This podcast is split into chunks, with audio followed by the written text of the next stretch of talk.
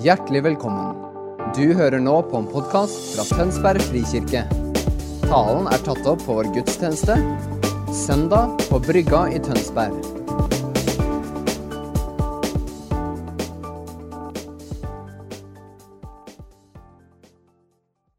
ikke så ofte jeg får lov til å stå her oppe på en søndag. Jeg står her veldig mye på fredager. Så det er noe jeg er veldig glad for at jeg får lov til muligheten til å gjøre i dag. Jeg heter Øyvind Mathias. Jeg er 24 år gammel, gift med min fantastiske kone Itzel, og vi har en sønn som heter Theodor, som er snart ett og et halvt. Og vi har faktisk enda en gutt på vei, som kommer i februar. Så det er utrolig, utrolig godt og flott å ha en sånn flott, flott familie. Eh, og så er jeg ungdomsleder her i kirka. Jeg jobber i FRIK. Eh, og det, det er, måte, det er både, en, både, en, glede og et privilegium, fordi det, det fins ikke noe som er mer givende enn å se ungdommer, unge mennesker, bli forma av Gud og møte hans nærvær. og, og virkelig bare få se at Gud er ekte. Han, han lengter etter å være med dem. Han, han er ikke fjern, han er ikke distant, men han ønsker å komme nær. Eh, så jeg har lyst til, å bare si litt, fordi um, Denne høsten her har vært utrolig gøy uh, for ungdommene. Det har skjedd utrolig mye bra. Vi, uh, vi, møtes både på fredager og på mandager. Akkurat sånn som kirka gjør, så har vi på en måte den store samlingen, feiringen, på fredagene. Med møte og tale og lovsang og hele pakka. Og så har vi de mindre eh, treffpunktene på mandager, hvor vi har huskirke sammen. Hvor vi møtes, spiser kveldsmat, har en kort andakt, og så deler vi oss opp. Og får lov til å snakke sammen, eller teste ut det vi prøver å prøve å profetere over hverandre. Og det er så gøy å se ungdommene på en måte få, få se at Gud er til stede.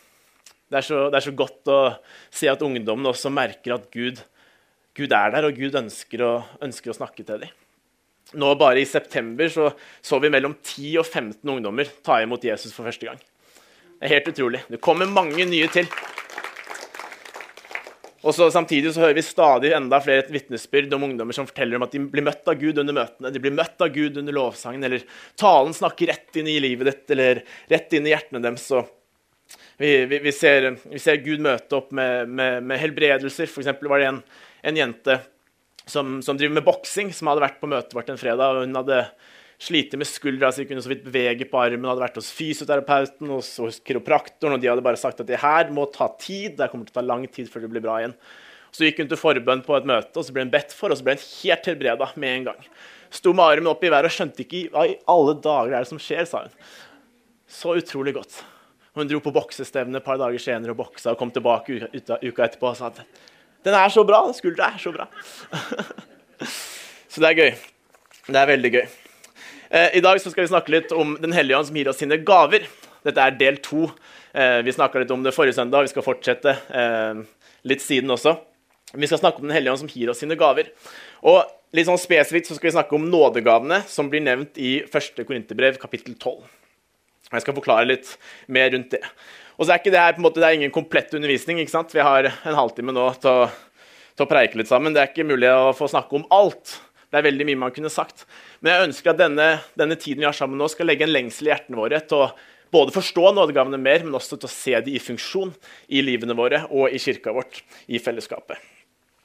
Så eh, Før vi måte hopper rett inn i og begynner å snakke om nådegavene, så har jeg lyst til å introdusere to helt grunnleggende prinsipper. Okay?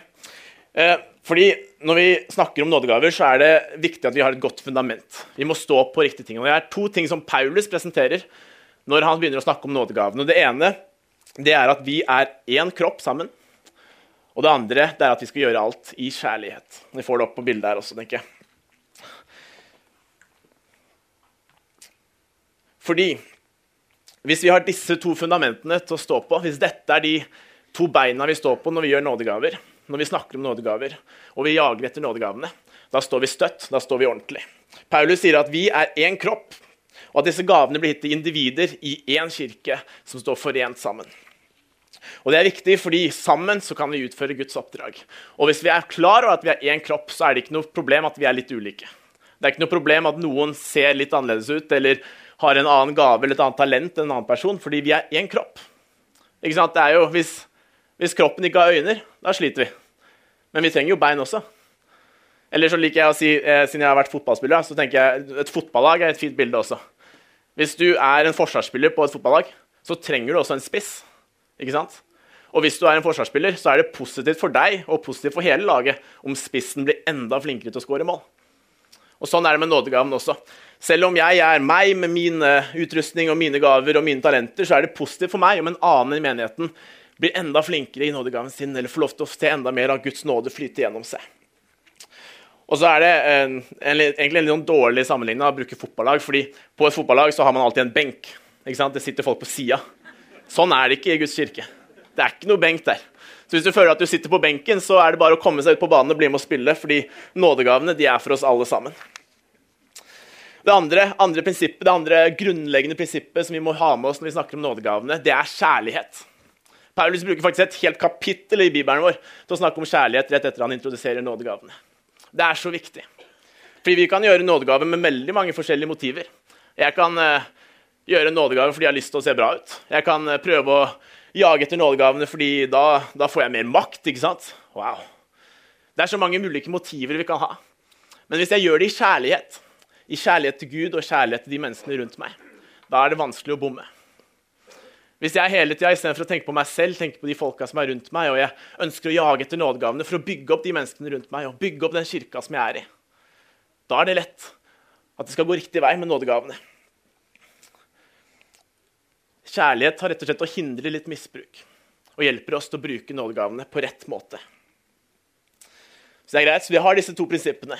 Vi er én kropp, og vi gjør det i kjærlighet. Og da står vi støtt. Da har vi to bein. Og så står vi veldig støtt, og da er det veldig gøy å begynne å snakke om nådegaver. Høres det greit ut? Det er bra. Jeg er vant til å preike til ungdommene. ikke sant? De har jo litt lyd.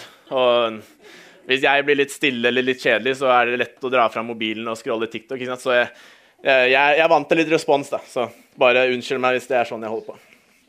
Det er bra. Vi skal snakke litt om nådegavene. og vi har eh, Gjennom hele Bibelen så ser vi at nådegavene alltid har vært en helt naturlig del av det livet man lever med Jesus. Nådegaven er på ingen måte en sånn ekstra tilleggspakke man kjøper når man blir moden nok. Nei. Nådegaven er en helt naturlig del av det å leve med Jesus. Det er en helt naturlig del. Vi ser det i Jesus sitt liv, vi ser det i disiplene sitt liv. Vi ser det i en del andre kristne i apostlenes gjerninger. Vi ser det i livene til veldig veldig mange at disse er gaver som er helt naturlige, skal flyte og være med i kirka og i Guds folk. Og Gavene er like aktive nå som de var den gangen Bibelen ble skrevet. Og så er det sånn at Den hellige ånd han gir gavene slik han vil. Det sier Paulus. Men samtidig så får vi en indikasjon i 1. Peters brev 4 og i Feserne 4 at alle har mottatt en nådegave. Og vi får lov til å vekke den opp til live. Får vi neste bilde her. Så liker jeg å bruke litt sånn gresk. da. Det, er, det, det ordet som, som, Bibelen bruker når den snakker om nådegaver, det er charisma. Charisma det kommer fra ordet charis, som er nåde. Og Det er så fint å huske på, fordi nåde det er grunnleggende når vi snakker om nådegaver. Nåde betyr to ting primært. Det betyr at noe er at du får ufortjent velvilje. Så helt ufortjent får man lov til å ta imot en gave. Og så er også nåde Guds kraft til bevegelse. Så nådegavene, charismaen, det er både noe vi tar imot helt ufortjent. Ikke pga. min status eller min utdanning eller hvor mange år jeg har vært kristen. Helt ufortjent tar jeg imot. Men det er også en kraft, en kraft som beveger meg og beveger andre mennesker.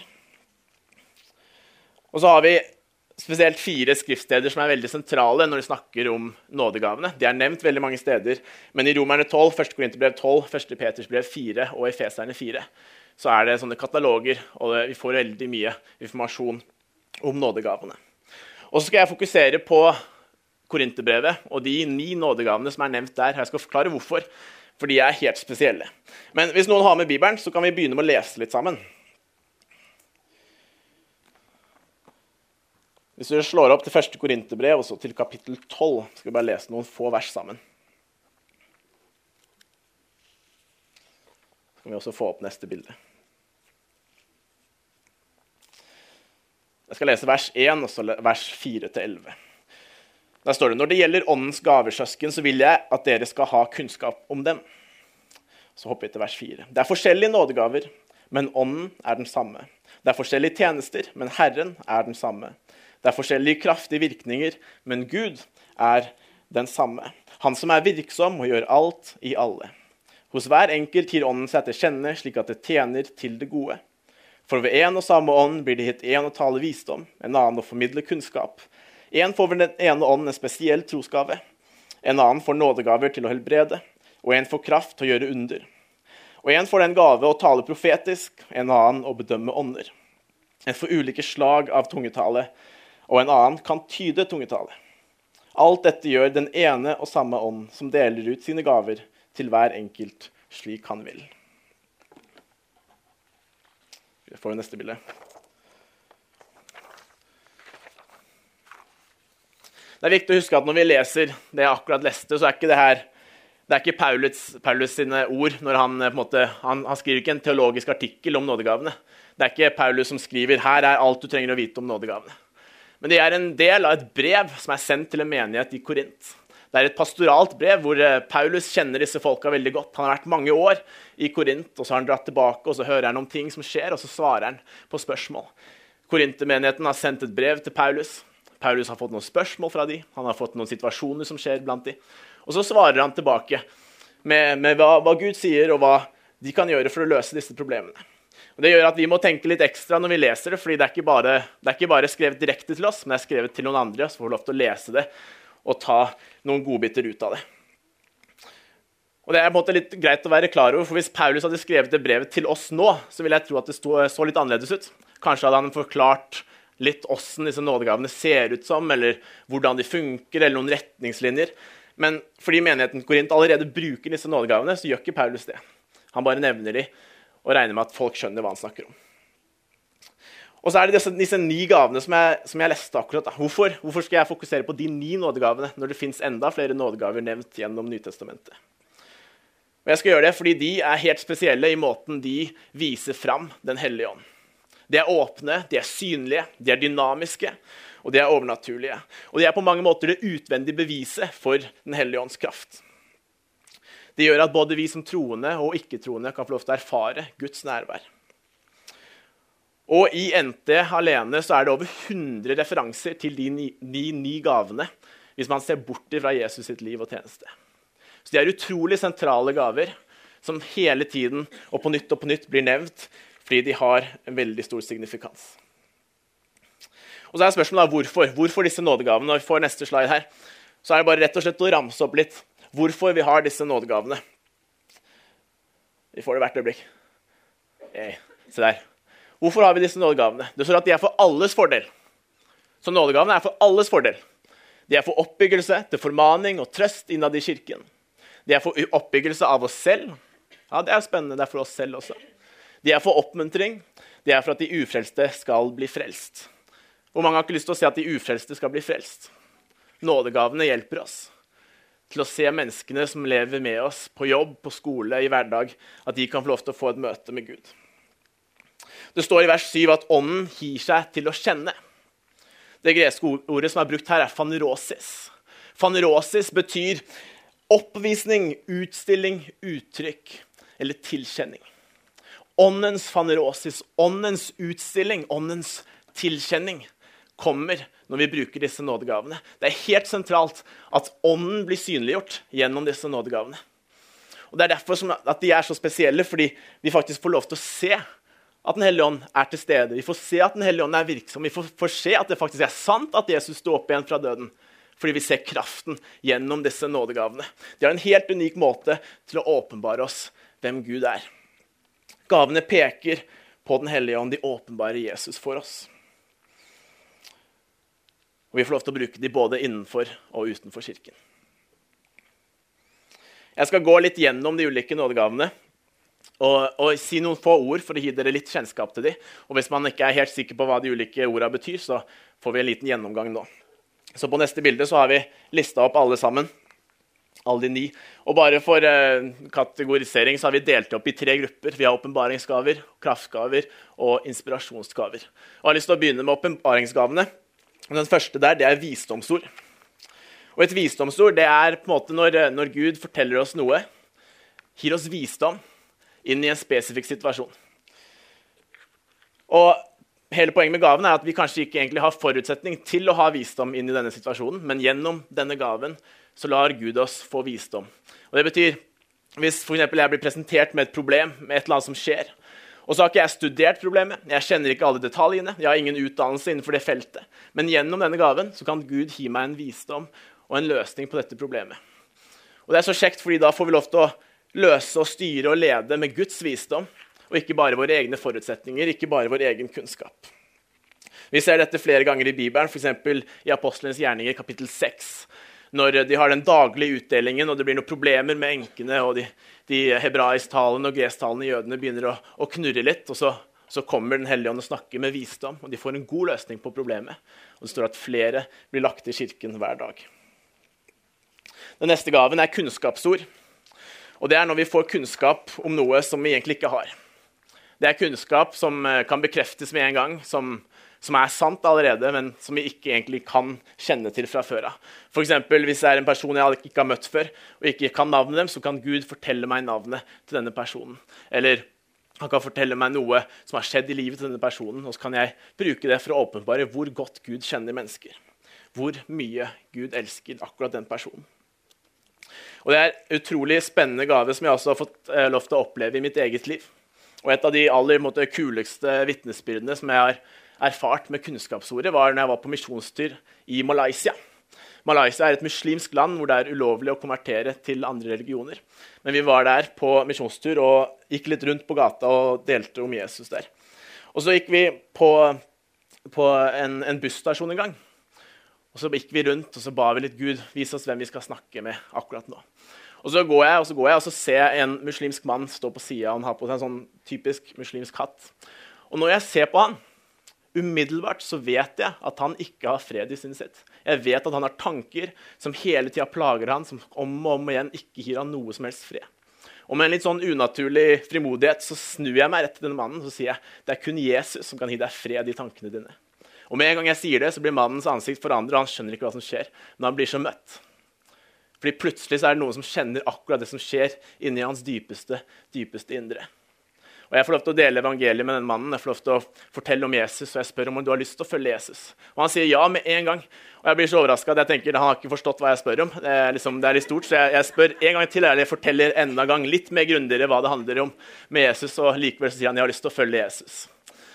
Er ikke det kult? At gjennom nådegavene så blir det så tydelig at Ånden er til stede, og at Gud kjenner oss. Den neste gaven er gaven til å prøve ånder. Vi snakker ofte om at dette er en, en måte, å bedømme godt og ondt. Men det handler om å bedømme hvilke ånd og hva, hvilket motiv som ligger bak ting. F.eks. Hvis, hvis, hva, hvis noen gjør en handling, så kan det jo se godt ut fra utsiden. Men hva ligger egentlig bak denne handlingen? Denne gaven hjelper oss til å se det, til å bedømme det. Vi ser det i Apostlenes gjerninger kapittel 8, når Peter møter trollmannen Simon, og Simon har lyst til å kjøpe Den hellige ånd. Og av en eller annen grunn så tar, Simon, tar Peter og snakker rett inn i det som ligger i hjertet til Simon. Det er fordi han kan bedømme det som ligger bak motivet til Simon. Hvis vi hopper bortover til kraftgavene, så har vi nådegaver til å helbrede. Dette er en spesiell evne til å se at mennesker blir helbreda fra sykdom og plager. Og det er helt klart at All helbredelse det skjer pga. Jesus. At han døde på korset og tok sykdommen på seg selv. Men likevel så er dette en gave som noen individer har til å ha en spesiell evne til å se gjennombrudd i helbredelser. Og så står det i, i, i, grunnteksten så står både nådegaver til helbredelser. Begge deler står i flertall, i plural. Og Det indikerer kanskje at det fins forskjellige sykdommer forskjellige plager som trenger forskjellige helbredelser. Et fint eksempel på dette fra apostlenes gjerninger er kapittel 3, når Peter og Johannes er på vei opp til tempelet. og De ser en lam mann sitte på sida, og han spør kan jeg få kan jeg få noen penger fra dere? Og de sier vi har ikke penger for det, men reis deg og stå.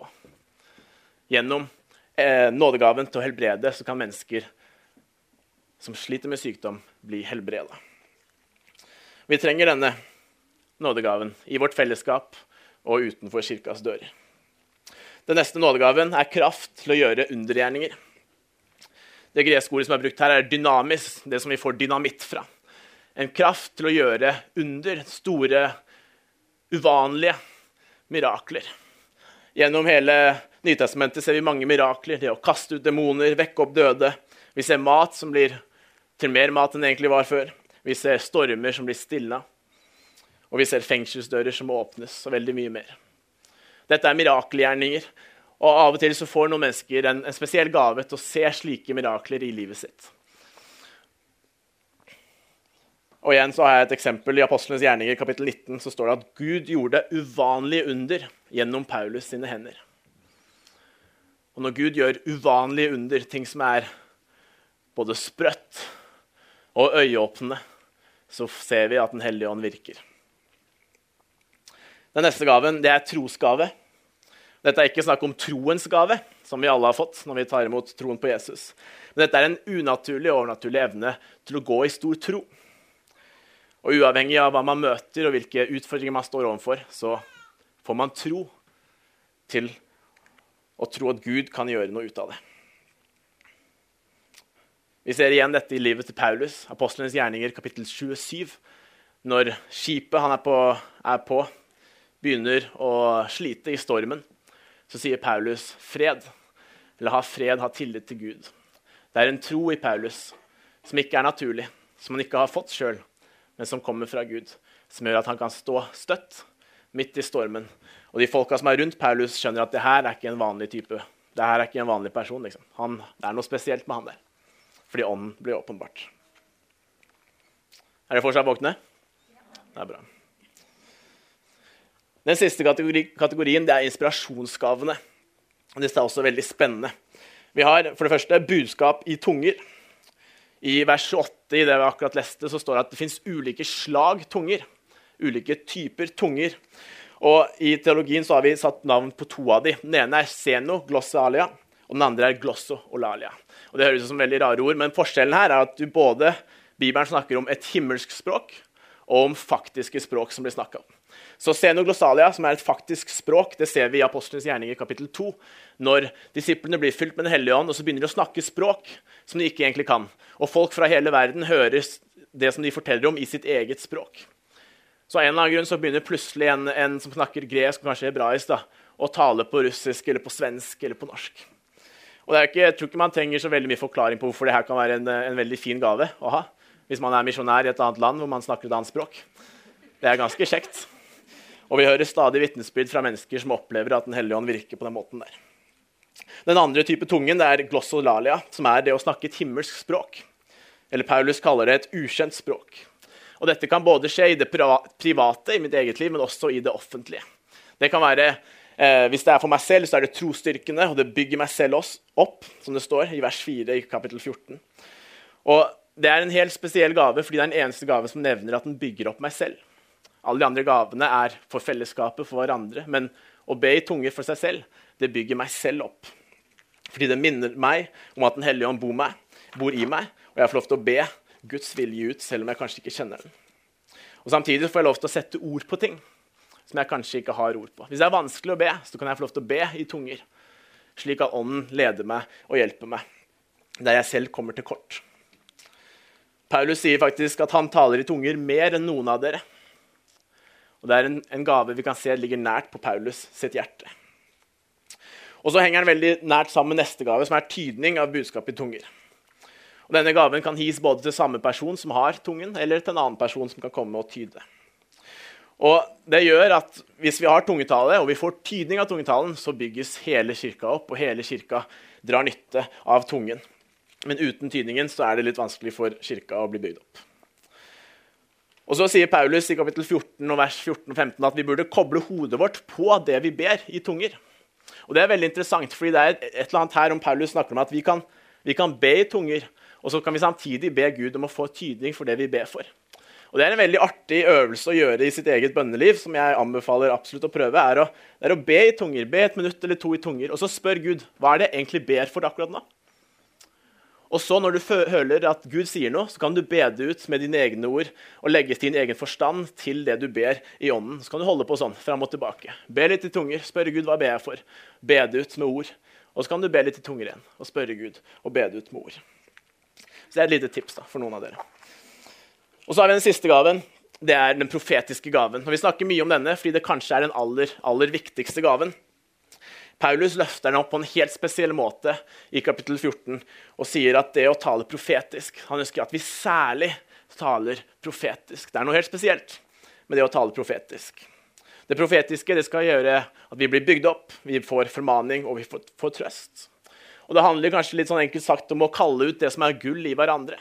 At med våre vanlige øyne kan vi se det som er feil med hverandre, men med det profetiske blikket og gjennom den profetiske gaven så kan vi se det Gud sier om hverandre, og måten Gud ser oss på.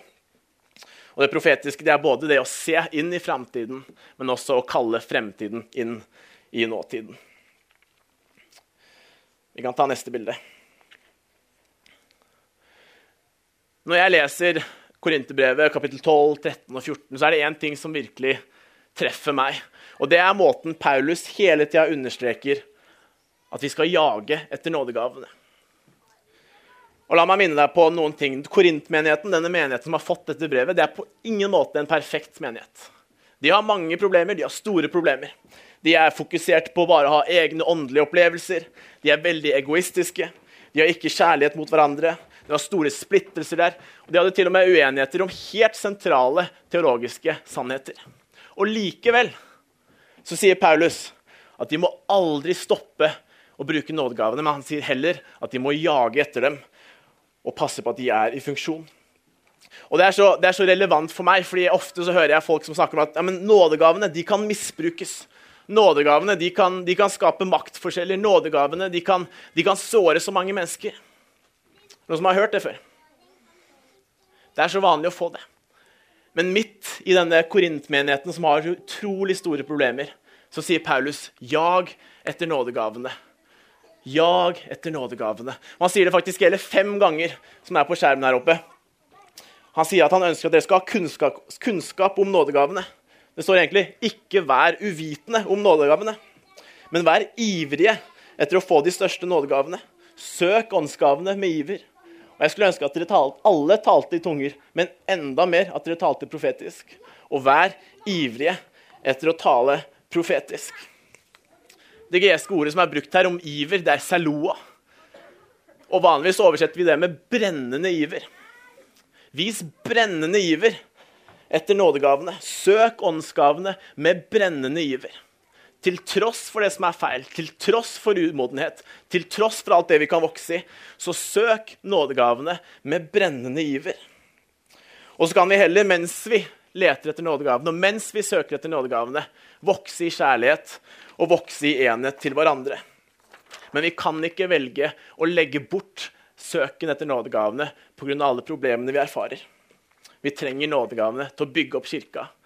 Og vi trenger nådegavene til formaning og trøst. Og Derfor kan vi ikke velge. Vi må gå etter nådegavene med brennende iver. Og så er jeg igjen da vant til å prate med ungdommer, og da må man ha veldig praktiske steg. Jeg kan ikke si 'gjør sånn', og så ikke si måte, hvordan man skal gjøre det. For da, da sitter de der og bare ser på meg litt sånn dumt. Så jeg har noen praktiske steg på neste bilde. Eh, det, har delt opp i to. da. Det ene er å ta imot. Og det andre er å forvalte og utvikle nådegavene. I Bibelen så ser vi at vi kan få lov til å ta imot nådegaver gjennom det som kalles for håndspåleggelse. I Romerne 1 så sier Paulus at han har lyst til å dra til romerne, til disse menighetene i romerne, så han kan gi dem nådegaver. I 2. Timoteus brev og i 1. Timoteus brev snakker Paulus om at Timoteus har tatt imot nådegaver ved å bli lagt hånd på av de eldste eller ved å bli lagt hånd på av Paulus. Så nådegavene kan bli tildelt og de kan bli aktivert gjennom håndspåleggelse. Og Det betyr at alle vi som tror på Jesus, alle vi som har Den hellige ånd i oss, vi kan være med på å dele ut og aktivere nådegaver i hverandre. Du trenger ikke en spesiell person.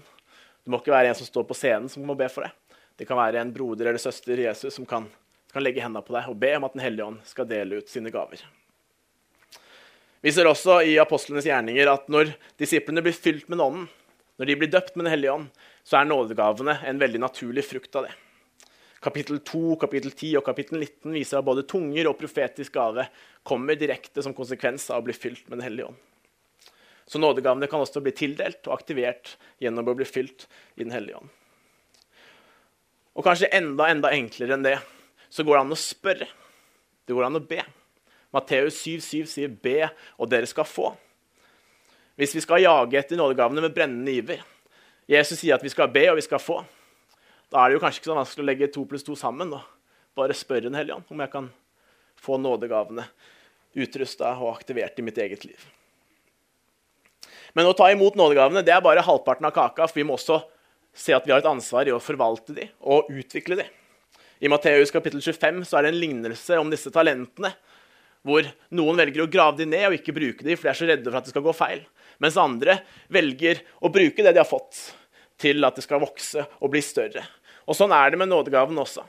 Det er en slags myte at nådegavene bare flyter og de funker så greit så fort man har fått det. liksom.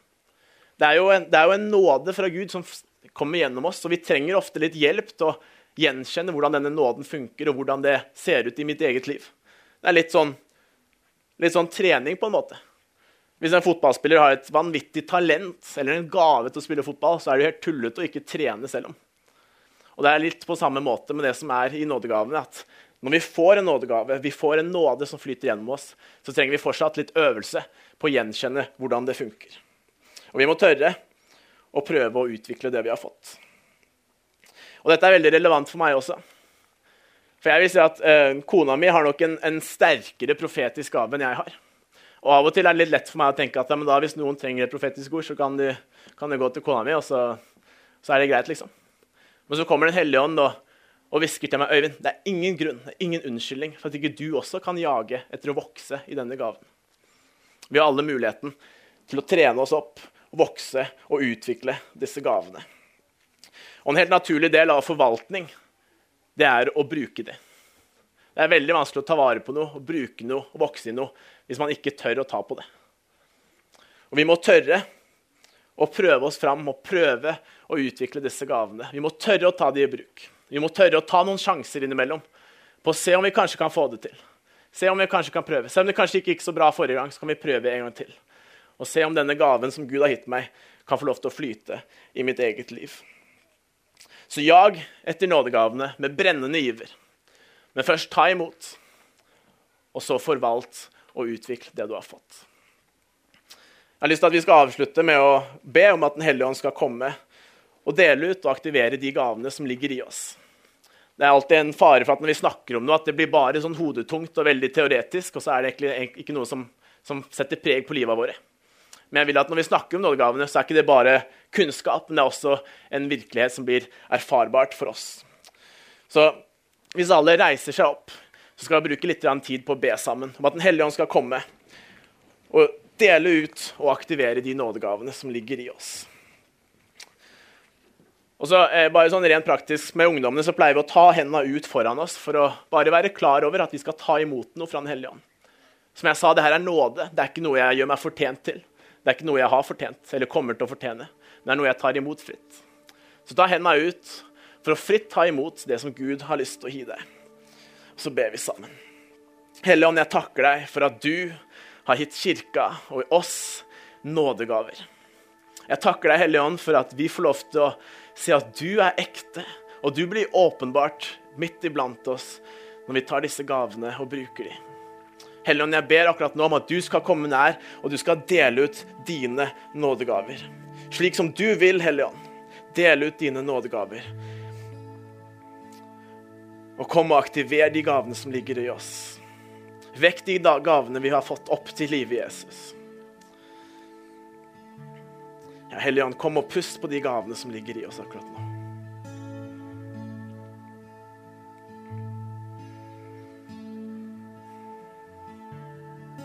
Hellige Ånd, vi står med åpne armer.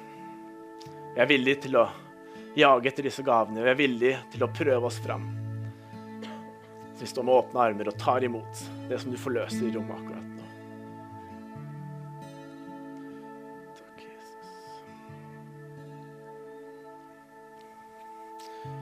Så ber jeg Gud samtidig om at du skal legge en, en lengsel i hjertene våre til å se disse gavene bli brukt. At dette skal gå fra en teoretisk virkelighet til noe som faktisk skjer i livene våre. I kirka, i familien og på arbeidsplassen, Gud. Takk, Hellige Ånd, for at du deler ut slik du vil. For det er din gode vilje at vi skal få lov til å ta del i ditt oppdrag her på jorda, Jesus.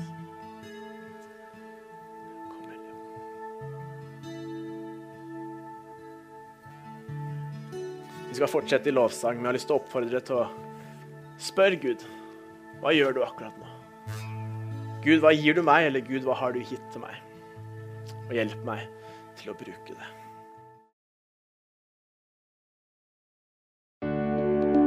Takk for at du hørte på vår podkast. Har du spørsmål eller ønsker du å vite mer? Søk oss på vår nettside tonsbergfrikirke.no. Du er også velkommen til kirke på Brygga i Tønsberg.